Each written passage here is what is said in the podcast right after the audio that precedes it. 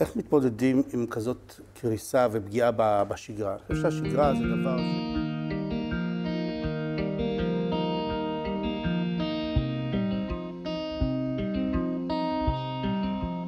טוב, אנחנו נפגשים פה שוב לפודקאסט משפחתי, זוגי, זה דבר נפלא אני חושב.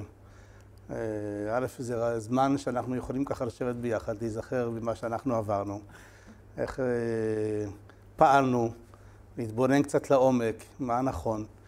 וייתכן מאוד שהרבה אנשים אחרים יכלו ליהנות מהרעיונות, אה, איך שעשינו את הדברים. עברנו כמה אירועים, נקרא לזה ככה, אתגרים רפואיים, גם איתי, פעמיים, שלוש, עם יהודה, והיה כל מיני דברים שהם נוגעים בכלל החיים, ומעניין. אז היום אנחנו רוצים לדבר על איזשהו נושא שהוא אולי קטן, אבל בגלל שהוא קטן הוא מאוד חשוב. אולי הוא הכי חשוב. נקרא לזה העוגן המשפחתי. איך יוצרים עוגן? למה זה טוב העוגן? מה זה כל כך חשוב? אז אולי נתחיל לאט לאט. אני עוד פעם יכול להגיד תמיד, ואני חייב להגיד לך את זה, שאת היית העוגן בשבילי. ברוך השם שאני עברתי את האתגרים, ואני שמח שאת לא עברת את האתגרים האלו. ואני יכול להגיד שאני עברתי את האתגרים רק בזכותך. תמיד היית העוגן בכל מצב. תרמתי לזה, היינו עושים את זה ביחד. אבל הכי חשוב לאדם שיש לו עוגן זו אשתו, זה היציבות של כל החיים. בתוך זה גופה יש הרבה פרטים. אני רוצה אולי קצת לרדת לעומק של הדברים, לשאול אותך, מה קורה בזמן רפואי, במשבר?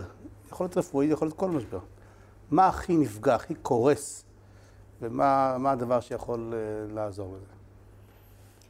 טוב, באמת אה, בזמן כזה, הדבר הראשון זה השגרה שנפגעת, נכון? זאת אומרת, זה שאנחנו, יש איזשהו הרגל, נכנסים איזשהו, יש איזושהי שגרה מבורכת של ילדים, של משפחה, ופתאום משהו שככה מפריע לשגרה, שיכול באמת להפריע לתחושה של הביטחון של הילד, של הביטחון המשפחתי, של התחושה של הביטחון של אחד מול השני. אה, ובעצם איך, איך, אולי זה כאילו מה שאנחנו מנסים, איך בתוך כל הבלגן הזה, כמה חשוב שבכל אופן יהיה את העוגן. אה, זה מעניין שאתה אומר, שאני הייתי העוגן שלך, אה, אני כאישה יודעת שאנחנו נשים, אנחנו, יש לנו כל הזמן תנודות, ולא משהו שהוא ככה לא משתנה. אני יכולה לקום בוקר אחד ככה, ובוקר אחד ככה, ובאמצע היום משתנה מצב הרוח, ואנחנו מאוד לא ככה, הירח הזה שמשתנה. ודווקא התחושה שלי, בתוך כל המערכת הזאתי, אה, שאתה היית העוגן, שכן היית המקום הזה שאתה עומד יציב וישר ויודע, ומאפשר לי דווקא להיות לפעמים לא כל כך יציבה, ולפעמים קצת אה, לא בטוחה ולא יודעת, אבל הכל בסדר. זאת אומרת, התחושה שהייתה לי דווקא זה זה שאני, אולי העוגן הוא, שלא נבהלת מזה שאני באמת, אה, כן, כל המערכת הזוגית בנויה שהאישה היא ככה, יכולה להיות הירח כשיש את השמש. זאת אומרת, שיש את המשהו שהוא יציב וחזק, ומאפשר לה גם להיות לפעמים ככה ולפעמים ככה, ויש משהו שעומד, אה, שבכל אופן לא משתנה.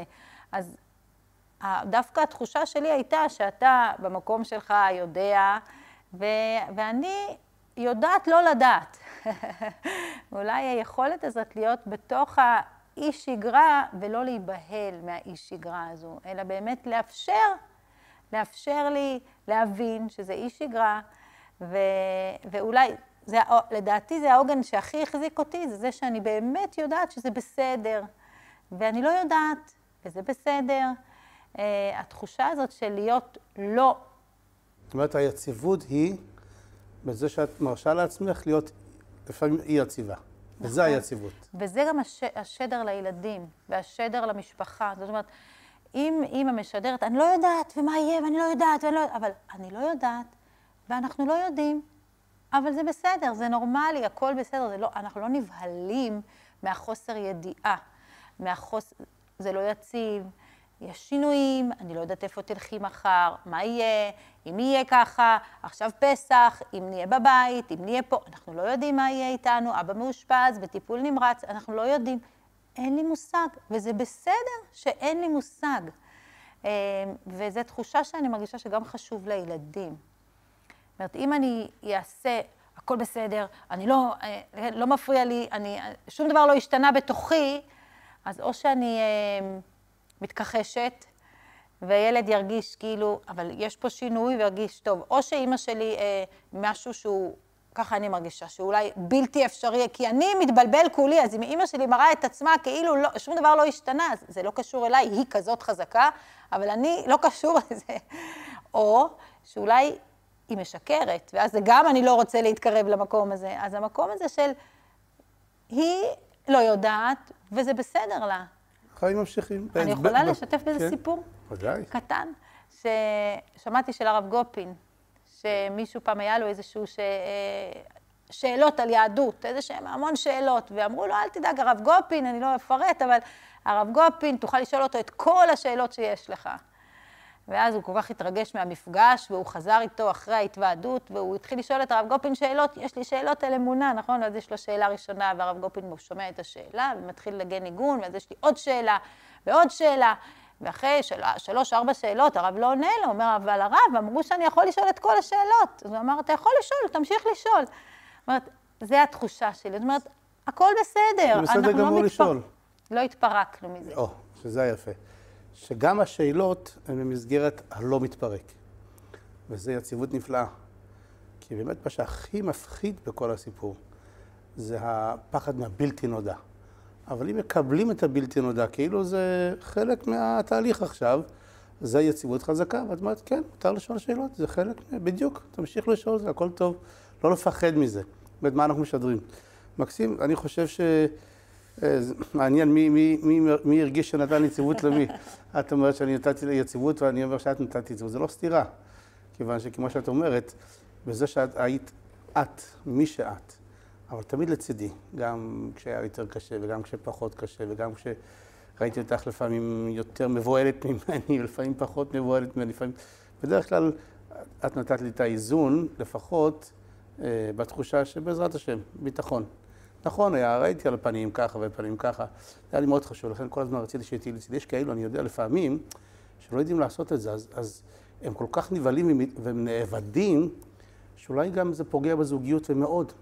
לצערנו יש כאלה שבמשברים רפואיים, כלכליים, או לחצים משפחתיים, הזוגיות מתפרדת והחבילה מתפרדת לא עלינו. ואחד הסיבות שלא מאפשרים להיות אחד לשני. אני חושב שאני הרגשתי על כל פנים, אני חושב ששמעתי את זה גם ממך כמה פעמים אחר כך, שלא הרגשתי טוב, הייתי יותר נינוח בלקבל את, את, את, את איך שאת מקבלת את הדברים. הייתי יותר נינוח, פחות לחוץ, זאת אומרת, להכיל יותר את השינויים. כי לא היה לי כוח להילחם. אז זה גוף הנתן יותר מקום ויציבות בדבר, ושזה דבר נפלא. אני חושב שזה א', ב', שמאפשר לעבור דברים כאלה. והלוואי ש... שנוכל להשפיע על עוד, כי זה באמת יכול לעזור להם. אמ, איך את יכולה להגיד, לעזור לנו לחשוב יותר לעומק וגם לאחרים? איך מתמודדים עם כזאת קריסה ופגיעה בשגרה? אני חושב שהשגרה זה דבר שהוא המפתח לעתיד. וזה היציבות, כשאדם יודע לתכנן את עצמו. עכשיו אני אעבוד, ובעוד חודש אני אצא לחופשה, או שאני עכשיו אני אעבוד, אני אקבל את המשכורת, ומשכורת אני יודע מה סך הכל ההוצאות שלי פחות או יותר, אני אחיה לפי זה, ואני יודע לתכנן איפה אני אהיה השבת הזו, השבת האחרת, מה אני עושה בקהילה פעילויות, מה אני עושה עם עצמנו, הכל מתוכנן. כשיש משבר, פתאום הכל קורס. אז זה הדבר שהכי מפחיד, כאילו זה מאבד את היציבות. מה הדבר הראשון שהיית אומרת שצריך לעשות אה, בשביל לייצר את היציבות הזאת? את העוגן, נקרא לזה ככה, את העוגן המשפחתי. ביחס לילדים, למשפחה. כן, השאלה היא כזה, בוא נאמר, האם צריך להיות רגע של הכרה בדבר? להכיר בנושא, ושיש פה, אנחנו עומדים פה בפני אתגר כפול.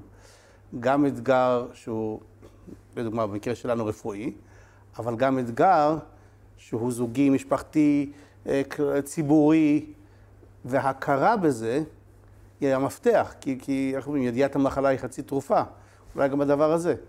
אם את זוכרת רגע כזה או משהו שהבנו שצריך לעשות משהו אחר, כלומר לשנות זווית גם, גם בדבר הזה, או שזה קרה מעצמו, זה, זה פשוט זרם לנו. זאת אומרת, לא להילחם בזה, כי ברגע שאתה נלחם, אתה רק נתקע בקיר, וזה, אלא פשוט לזרום, זאת אומרת, לאפשר את היציבות בתוך האי-יציבות. כן, השאלה שלי הייתה, האם את, היו רגעים שהבנת את זה, שאנחנו הולכים פה לעמוד בפני אה, משבר גדול, ולכן הבנת שאנחנו, אוקיי, אני מבינה, ולכן אני יוזמת איזשהו מהלך של יציבות, או שרק שחררת? אה, אני חושבת שכולנו ראינו את זה בתקופה של הקורונה. כאילו, מה עשה הקורונה? הקורונה שיבשה, עשתה לעולם את הסיפור הזה. זה סוג של...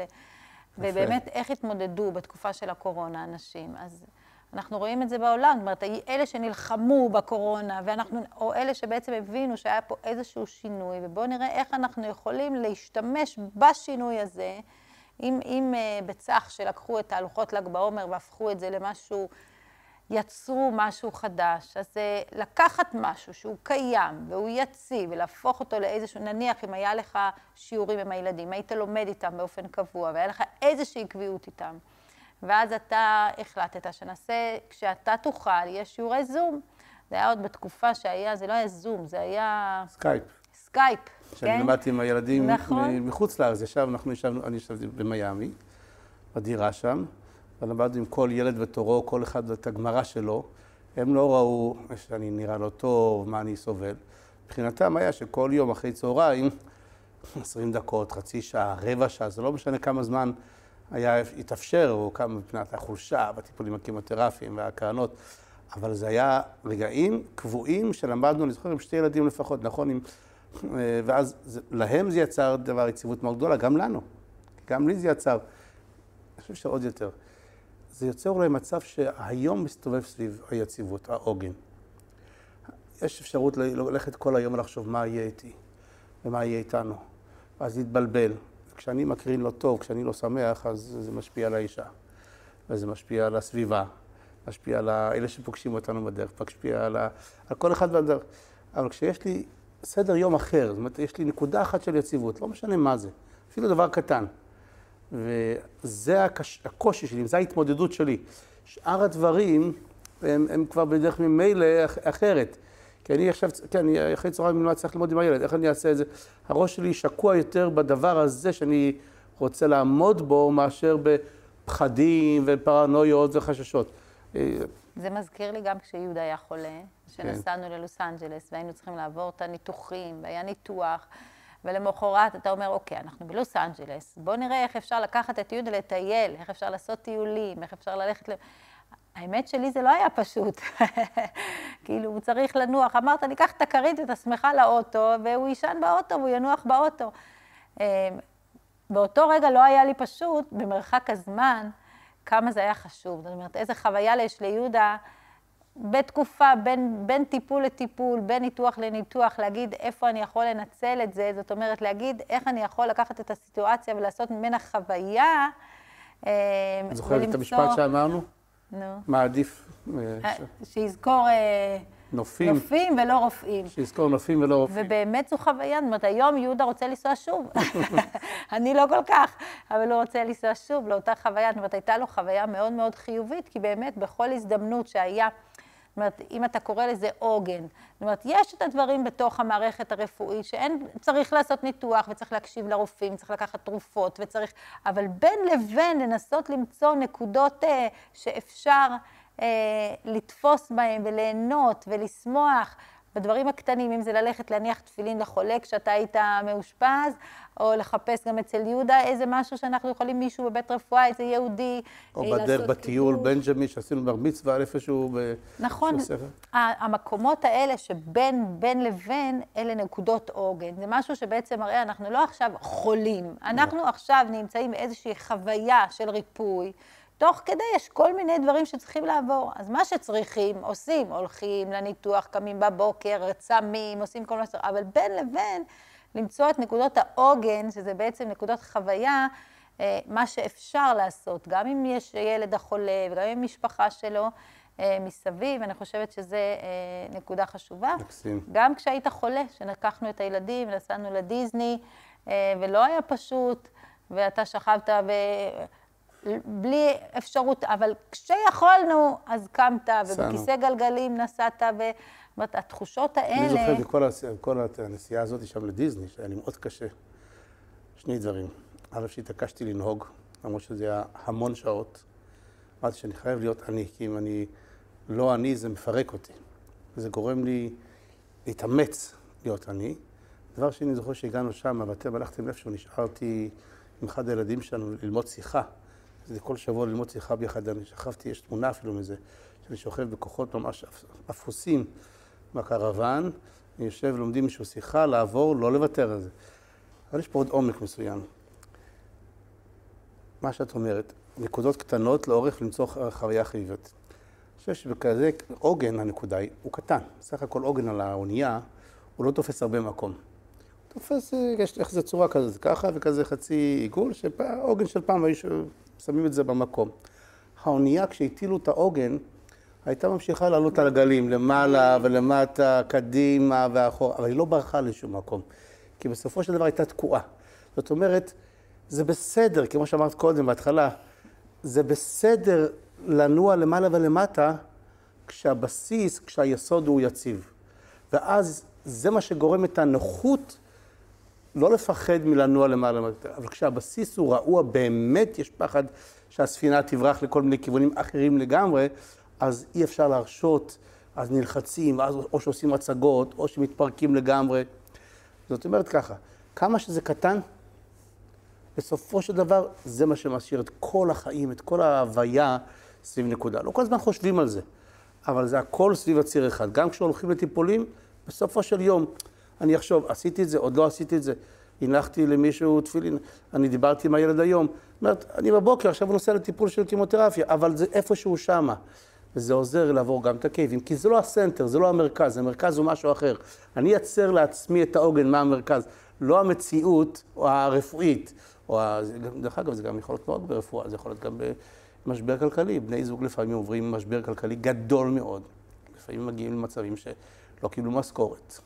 יש איזשהו לחץ הוצאות בלתי צפויות, וזוגות שלא יודעים לעבור את זה ביחד בשלום, רבים מאוד, כיוון שזו הנקודה העיקרית. והחוכמה היא ליזום נקודה אחרת שתהיה נקודת העוגן. אני, אני אוסיף לזה משהו שבאמת, בפעם האחרונה ש, שהיית בטיפול נמרץ, שהרגשתי מאוד מאוד, זה באמת בתוך, בתוך כל המערכת הלא פשוטה, עם עוד נקודות עוגן, זה לאפשר לעצמי, אני שתומכת בך ולוקחת לעצמי זמן, זה יכול להיות בתוך איזשהו משבר, גם כלכלי, אז את צריכה לעבוד, ואת, ואת אומרת לעצמך, אוקיי, עכשיו אני עושה הפסקה לעצמי, מסתכלת רגע על עצמי, מה שלומי, איך אני מרגישה, מה אני צריכה לעשות עכשיו? עכשיו אני רוצה לצאת להליכה, אני רוצה ללכת לקנות לי משהו, אני רוצה לעשות סיבוב. אה, אני, ובלי שום רגשות אשמה ותחושה שלא, צריכים אותך פה וצריכים אותך שם, אלא לאפשר לעצמי נקודות עוגן, יפה. נקודות כאלה שאני אומרת לעצמי, אני יודעת, תמיד בא לי ישמח שאני אעמוד לידו. אני יכולה 24 שעות לשבת שם, וזה ישמח אותו. אבל אם אני אגיד לו, עכשיו אני צריכה כמה דקות לצאת, ולאפשר לעצמי בלי, בלי רגשות אשם, ללכת, לדאוג רגע לעצמי, להסתכל רגע במראה, להגיד מה שלומך, איך את מרגישה, מה את רוצה לעשות עכשיו, לתת לעצמי זמן בלי, בלי תחושה שאני לא בסדר, וזה באמת בכל משבר, לקחת את המקום הזה. ליזום אותו. בדיוק, זאת אומרת, לחשוב, לתת, לתת את הפינות האלה הקטנות. זה לא, זה לא פינות קטנות. אני זוכרת, אני תמיד היינו מספרים איתי, לא יודע מאיפה שמעתי את הסיפור הזה, קראתי אותו איפשהו, שהייתה אימא, משפחה ברוכת ילדים, זוכרת? סבתא שלך. לא, שנכנסה למטבח ונעלה, אוקיי, כן, כן, הילדים כן. בכו ודפקו על רעבים, והיא צעקה מתוכו, אני עכשיו מכינה לכם, מה, מה אתם מכינה לנו? אני מכינה לכם אימא טובה יותר. מה היא עשתה? עשתה, אכלה לעצמה ארוחת צהריים, כדי שהיא תוכל לצאת החוצה, באמת להיות במקום אחר עבור הילדים. אז היא תהיה אחר כך יותר רגועה ורעננה, יותר מקבלת, ויותר... אבל אם היא מיד תרוץ לילדים, כשהיא הרגע חזרה מהעבודה והיא לא אכלה והיא לא עשתה, והכל, הכל ראש כואב לה, אז היחס שלה מול הילדים יהיה אולי מאוד התמסרות, אבל מאוד לא יעילות. זה בכלל לא יהיה יעיל. כדי שזה יעיל, תכיני את עצמך בצורה טובה יותר. נראה לי שלגברים יש את זה משום מה, באופן טבעי, זה יותר אה, מובנה אצלהם. אבל יופי שעשית את זה, אני באמת הרגשתי ככה, ואני, האמת היא ששמחתי כשראיתי שאת הולכת לאיפשהו, למטה, כשהייתי בטיפול נמרץ, וידעתי שאת עושה את זה לעצמך, סך הכל אמרתי לעצמי, מצוין. סך הכל נמצאת איתי כל כך הרבה זמן. זה ייתן לה את האפשרות עוד פעם לחייך מחדש, עוד פעם את הכוח להיות לצידי. זה היה לטובתנו, גם במובן הזוגי, וגם במובן האישי, וגם במובן בשבילך, וככה צריך לכאורה לעשות את זה. אני רואה את זה גם במצב רוחני. איך, איפה בדברים רוחניים את רואה אה, חינוכיים או רוחניים שכדאי לעשות כאלה עוגנים? דברים חיוב, חווייתיים. או חווייתי, או התמסרותי, דבר שהוא גבוה ממני, גדול יותר ממני. כאילו שישמש לי כעוגן, כהחלטה. אוקיי, זה דווקא לא במשברים, אבל בתחושה שלי כאימא שמחנכת את אה, ילדים, ואבא הרבה פעמים צריך לנסוע ולא נמצא בבית, אני זוכרת את המקום הזה שלי כאימא לה, לה, להגיד שבת, גם אם אבא לא נמצא, אנחנו עושים קידוש באותה שעה, ואנחנו נעשה את זה באותו אופן, וגם אנחנו נאכל צ'ולנט, וגם...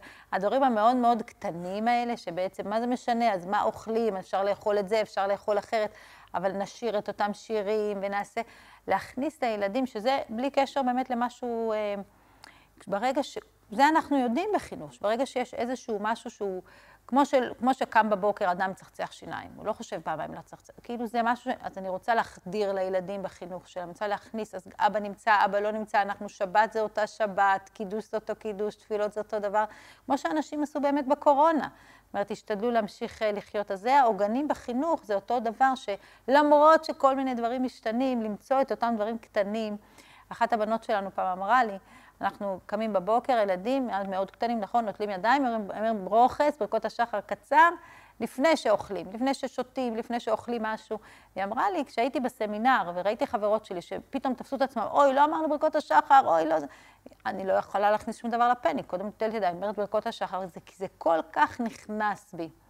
זה העוגנים הרוחניים, כן. זאת אומרת, העוגנים הרוחניים זה הדברים האלה ש, שילד רואה מה כן, ייהרג ואל יעבור. מה זה אימא לא יוצאת מהבית בלי פאה, או מה זה הדברים שכאילו אתה יודע שזה משהו שזה לא זז, שזה אה, זה העוגנים אה, חינוכיים, רוחניים. אה. ואדרבה, מה שאת אומרת זה כל כך חשוב, שלפעמים מה שנשאר אצל הילדים זה לא מה שהם רואים בשבת רגילה. כי שבת רגילה זה מין פשיטה, ככה, מה, מה אחרת? זה הסדר, זה השגרה. הם לא רואים פה משהו מיוחד, עמוק. אבל כשאבא לא נמצא, וזה ממשיך, למרות שהוא לא נמצא, או כמו שאת אומרת, כשקמים בבוקר ורעבים, אף על פי כן בולמים את עצמנו רגע, ושם נוטלים ידיים, וקודם אומרים את כל הברכות כמו שצריך, ורק אז עושים משהו, זה הנקודות שזה זה, זה עושה את החקיקה, אפשר לומר, זה נחקק בנפש לכל החיים. כלומר, ברגעים הרגילים זה בסדר. ברגעי משבר זו הזדמנות גדולה יותר, אפשר לומר, אולי להחדיר דברים חינוכיים, רוחניים, חווייתיים. מה שלא יהיה. כן. אוקיי, אני רוצה עוד נקודה של עוגן, שחשבתי כן. עליה גם, שאני זוכרת שהיה לי לא פשוט. כשהיית חולה, שפתאום היה לי המון עזרה מהסביבה. כולם ידעו שאתה חולה, והגיע אוכל, והתקשרו עכשיו. אה, הכי טבעי שלי זה להגיד, אני אסתדר, הכל בסדר, אנחנו מסתדרים, הילדים בסדר, הכל בסדר, כולם רוצים לעזור, אבל הכל בסדר. זה הטבעי שלי, בטח אם את בית חב"ד, ואת רגילה להיות זאת שעוזרת לאחרים. ולא זאת שמקבלת עזרה.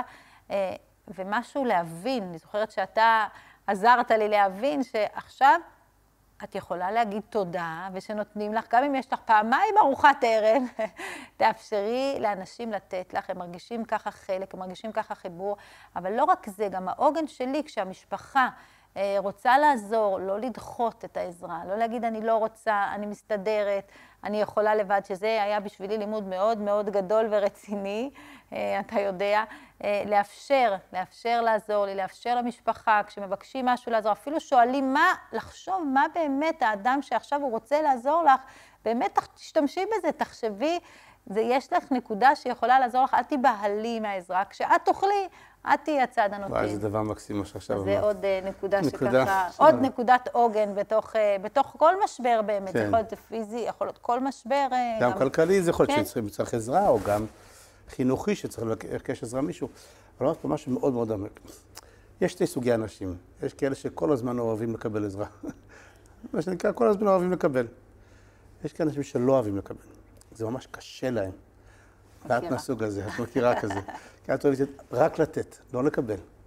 ואז שהגיע הרגע, וראיתי איך שאנשים מרגישים בצורך בטבעי לתת, וזה היה קשה לך, מה שדיברנו אז, שזה חשוב לקבל עכשיו. שני סיבות, שתי סיבות. סיבה אחת, אין מה לעשות, כל אחד יש לו את התפקיד בחיים לכל רגע נתון.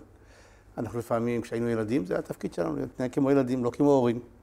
וכשהיינו נערים ונערות, זה היה התפקיד שלנו להתנהג בדיוק כמו נערים ונערות, לא כמו ילדים וגם לא כמו הורים. כשנהיינו הורים לילדים קטנים, צריכים לתפקד כמו הורים קטנים, להורים לילדים קטנים. ואותו דבר, כשאנחנו נהיים חולים במשבר, התפקיד שלנו, הרוחני והחינוכי, לתפקד כמו עכשיו מישהו שעובר משבר בצורה הנכונה ביותר, וצריך לקבל עזרה. אין מה לעשות. זה הרגע שהקדוש ברוך הוא עושה את הבן אדם ממשפיע למקבל, מהשמש לירח. דבר ראשון, צריך להפנים את זה. למה זה טוב? אני מוריד את האגו.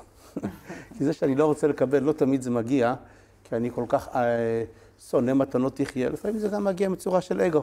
אני לא נעים לקבל, כי זה פוגע באגו שלי, אני מסתכל בצורה של תורה, אני מסתדר לבד, והגיע הרגע שאני לא יכול להסתדר לבד. יש כאלו שיסבלו, ולא יספרו לאחרים. ויפחדו, לא פחדנו לספר לאחרים. אז אין אגו לרגע. נאפשר לקבל, ומה קורה?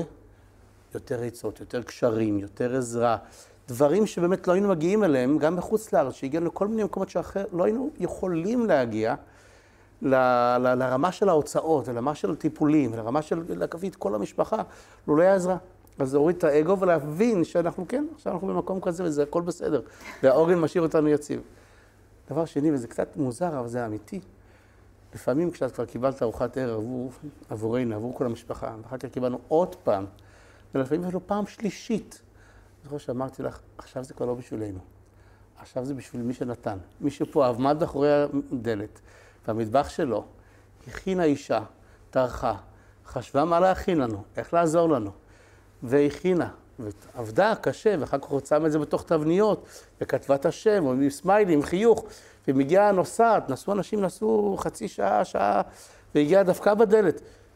אם אנחנו, לא, אנחנו מסודרים. איזה מין שבר, איזה מין תחושה ניתן לה. לפעמים אני צריך לדעת לקבל, כי אני גם מתוך התחושה של משפיע. אני, אדם טרח, איך אני נותן לו את התחושה הטובה? זה כשגופה החזיק אותי למעלה מהמים. להיות בשליטה. לזכור מה קורה פה. אני עכשיו מקבל, אבל גם נותן בקבלה, ואיך אני יכול להכיל את זה. לא לאבד, לא להישבר, לא לפחד לגמרי.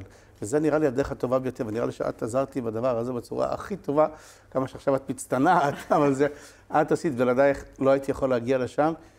מה שאני זוכר בחוויה שלי, קשה להגיד את זה, אבל זה אולי הזמן הזוגי הטוב יותר שהיה לנו, ממש, קשה להגיד את זה, אבל זו עובדה. הזמן הכי טוב עם יהודה היה, כשהיינו בפלוריד, בקליפורניה, לטיפולים שלו, מה הוא זוכר? הוא זוכר את החוויה החיובית, איך התוועדנו שם בקהילה, איך הוא שר עם הקהילה, כמה היה, כמה היה עסוק בלתת ולהשפיע, אבל זה החוויות, אפילו נזכור נופאים ולא רופאים, וזה מרים את הראש מעל המים. בכל משבר זה ככה. נכון. יופי, אז הנה. עוד משהו שלא... אה, לא, אני חושב שדיברנו על הנקודה הזאת, וזה פשוט אה, גם נעים ומעמיק ומרגש. כי אנחנו פתאום מדברים על זה כאילו איזושהי מין חוויה חיובית שעברנו, אבל אני חושב שייתכן, כי חוויה עמוקה. לפעמים חוויה עמוקה, שנובעת מתוך קושי, יש לו לאחר זמן, יש כזה פסוק שאומר, אותך השם כי ענפת בי. ממש. אז אסור, אסור לבקש את זה, אסור לבקש את זה. אבל פתאום הרגשנו שצמחנו מזה, ראינו דברים עמוקים יותר. ואנחנו יכולים לאחל בינינו שכל מי ששומע אותנו, וכל מי שרואה אותנו, שאנחנו, דבר ראשון לעצמנו, נמשיך לעשות את הדברים האלה רק בצורה יותר עמוקה לחיוב, בדברים טובים. בדיוק. ואני באמת רוצה להגיד תודה לכל מי שהקשיב, ולכל מי שגם על הפודקאסט הקודם, שככה העירו וביקרו ונתנו ככה הערות, זה מאוד מאוד אה, אה, מחזק אותנו ונותן כוח, אז אני מודה לכל מי שככה טרח והקשיב ונתן מהזמן שלו. ושנזכה לעשות רק אה, לדברים טובים ולשמחות. אמן ואמן. תודה, תודה. רבה.